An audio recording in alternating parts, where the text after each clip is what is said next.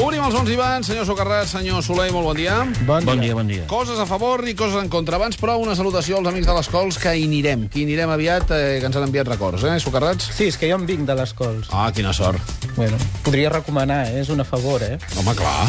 Perquè, bueno, com a mínim, eh, comentar-vos que aquest estiu estan fent uns, uns pícnics amb, amb productes seus de les cols, però mm, uns sopars freds al, al costat de, del riu, de la riera d'Olot, a, a un paratge que es diu Tossol Basil, eh, i que els combinen amb observació gastronòmica després del sopar, si voleu, però que l'interessant és menjar aquest tomàquet negre de l'hort que fan farcit de fruita de la passió, que és interessant aquest, eh, aquesta costella de porc, aquest costella de porc confitat amb, amb, amb préssecs, aquesta síndria banyada de, de vodka o el meló banyat de cava.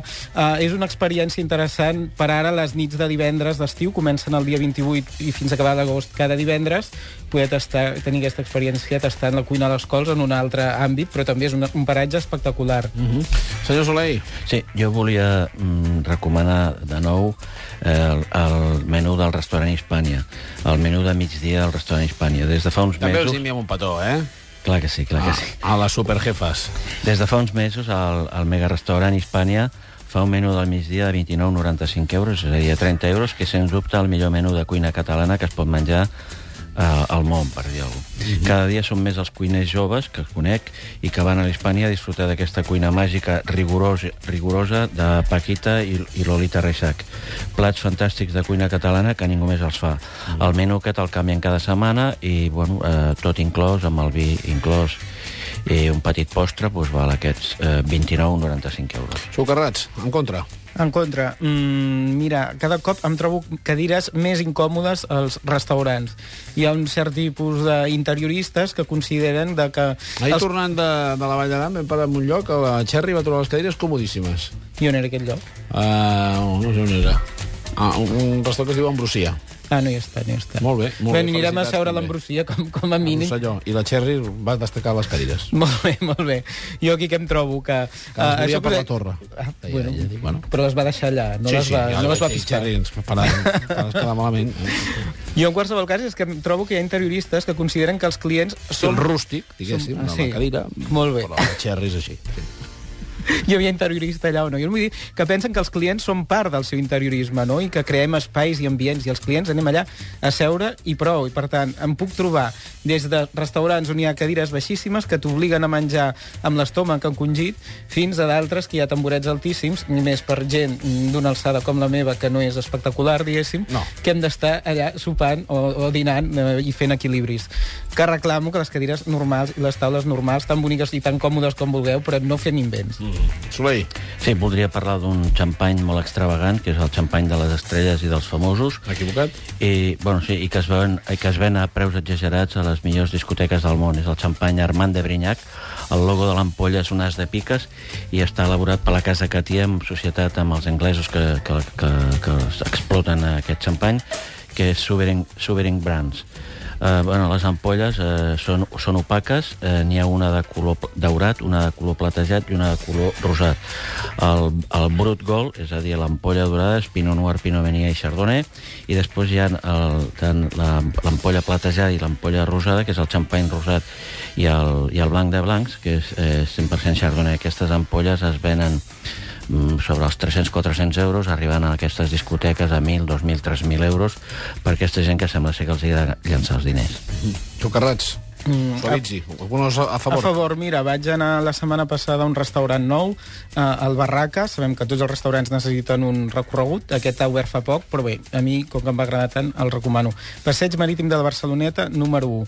Són eh, arrossos que ara mateix hi ha Xavier Pellicer, ex Can Faves, ex Àbac, eh, doncs, eh, assessorant-ho, però el restaurant no és seu. Hi ha Rafa de Valicurt, un, un cuiner que jo vaig conèixer a l'Alt Urgent, eh, cuinant allà arrossos molt diversos. Són arrossos eh, tirant a secs, més aviat. Jo vaig tastar l'arròs a banda, amb unes navalles boníssimes. També vaig tastar un arròs bomba amb calamar, peix de llotja, rossellones, musclos i julibertada, aquests que hi ha una mica de tot.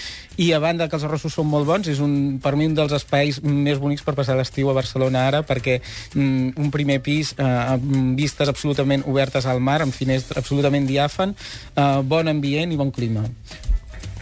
I això és el passeig marítim de la Barceloneta, número 1, on, on s'acaba el barri pròpiament de la Barceloneta i Molt comença bé. aquest passeig fins a, fins a l'Hospital del Mar, per entendre'ns. Soleil, què ens explica? Sí, dic que a pesar de la crisi que fa que molts restaurants tanquin i la majoria estiguin buits, no paren d'obrir nous locals, noves propostes gastronòmiques en aquesta transició dels restaurants d'abans a, als restaurants del futur, que no sabem quina serà la fórmula. El Julià Cribero, eh, empresari propietari del restaurant La Clara, obrirà abans de final d'any un gran espai al Cercle d'Art de Barcelona, concretament al, al famós carrer eh, Porta de l'Àngel tot el, eh, tota la- tota l'arquitectura d'aquest local, que és el local del Cercle d'Art, eh, està remodelat per, per un arquitecte molt conegut, de, de molt nivell, que és Alfred Arribas, i la proposta gastronòmica correrà a càrrec de l'Albert Ventura del restaurant Coura. Oh, Obriran, obriran el, sobre l'octubre-novembre, sí. Ah? Un espai de 250 metres quadrats al Cercle d'Art. És just al final de la Porta de l'Àngel. Fantàstic. Sí, un lloc molt bonic. Socarrats, penúltima. Home, doncs jo celebro que l'Albert Ventura obri aquest espai i li desitjo tota la sort. Jo ara anava a fer un encontre, que és que ja estic fart que em presentin hotels amb una suposada gran eh, aposta gastronòmica, amb algun cuiner que tingui un cert nom, vas a la presentació i al cap de dos mesos aquest cuiner ja no hi és. Penso que el, mm, a Barcelona té prou xefs interessants com Albert Ventura, que se'ls hi poden proposar coses interessants. No n'hi ha tants, eh? no, no, però n'hi ha alguns que, N'hi ha alguns que sí. que està bé que durin, no? Però el problema és quan a vegades els, els projectes no són prou sòlids i presenten coses que són Bueno, només fum. també depèn del compromís. Mira l'aventura. Clar, bueno, de, per això, apostem pels que es comprometen. Ah, això mateix. Què més? Eh, L'última seva, Sí, Soleil. volia parlar de... Bueno, jo sempre he dit que els millors vins del món són els de la Borgonya, els vins, els vins serios i, el, i els vins més interessants per la seva tipicitat, és a dir, són vins que són d'allà i no poden ser d'un altre lloc. Llavors jo volia parlar d'un senyor que es deia Henri Gellier, que va morir l'any 2006 i va ser el gran innovador de la Borgonya. Llavors els seus vins estan molt buscats, eh?